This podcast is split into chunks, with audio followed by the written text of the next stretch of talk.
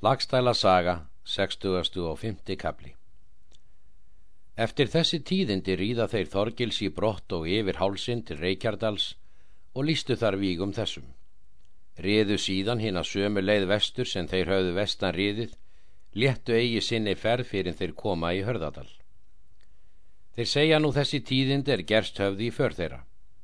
Var þessi ferðin frægasta og þótti þetta mikið stórvirki er slíkur kappi hafi fallið sem Helgi var. Þorgil stakkar mönnu vel ferðina og slíktið sama mæltu þeir bræður botla sínir. Skiljast þeir menn nú er í ferð höfðu verið með Þorgísli. Lambi rýður vestur til Lagsvardals og kemur fyrst í Hjarðarholt og sagði þeim frændum sínum innilega frá þessum tíðundum er orðið höfði í Skoradal. Þeir letu ítla yfir hans ferð og töldu mjög á hendur honum, hvaðu hann meir hafa sagst í ætt Þorbjarnar skrjúps en mýrkjartans írakonungs.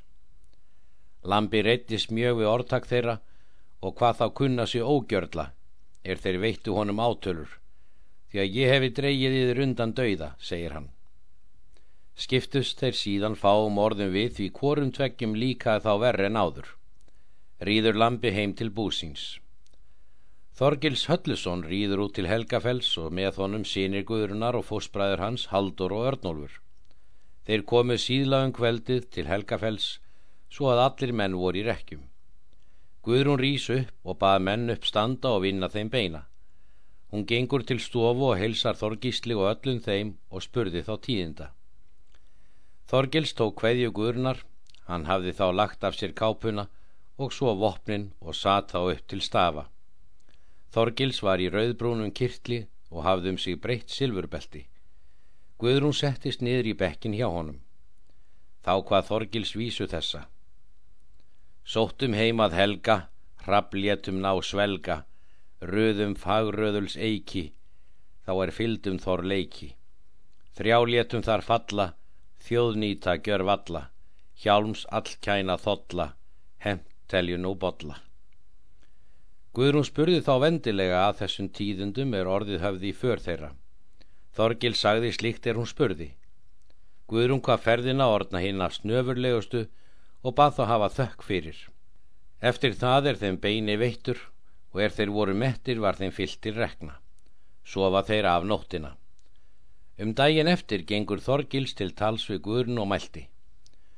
Svo er háttað sem þú veist Guðrún, að ég hef framkomið ferðinni þeirri er þú baðst mig til. Tel ég það full mannlega af höndu mynd vænti ég og að ég hafi því vel vart. Þú mynd það á muna hverjum hlutum þú hefur mér heitið þar í mót. Þykist ég nú til þess kaups komin. Þá mælti Guðrún. Ekki hefur síðan svo langt liðið er við rættumst við að mér sé það úr minni liðið. Ætla ég, og það eina fyrir mér að efna við því allt það er ég varð á sátt. Eða hvers minnir þig um hversu mælt var með okkur?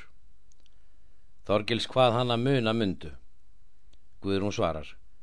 Það hygg ég að ég hétti þér því að giftast engum manni samlendum öðrum en þér, eða viltu nokkuð mæla í móti þessu? Þorgils hvað hann að rétt muna.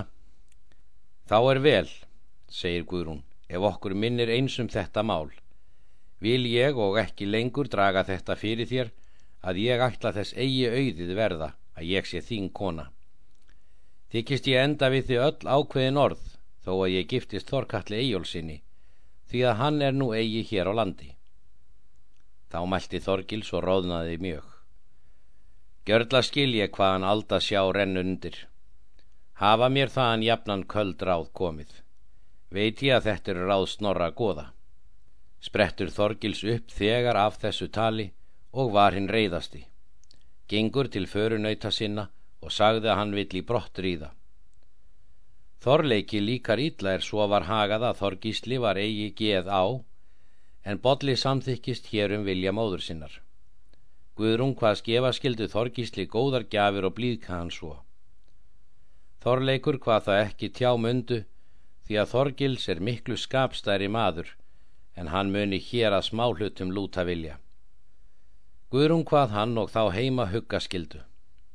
Þorgils rýður við þetta frá Helgafelli og með honum fósbræður hans. kemur hann heim í tungu til búsins og unir stór ítla sínum hlut.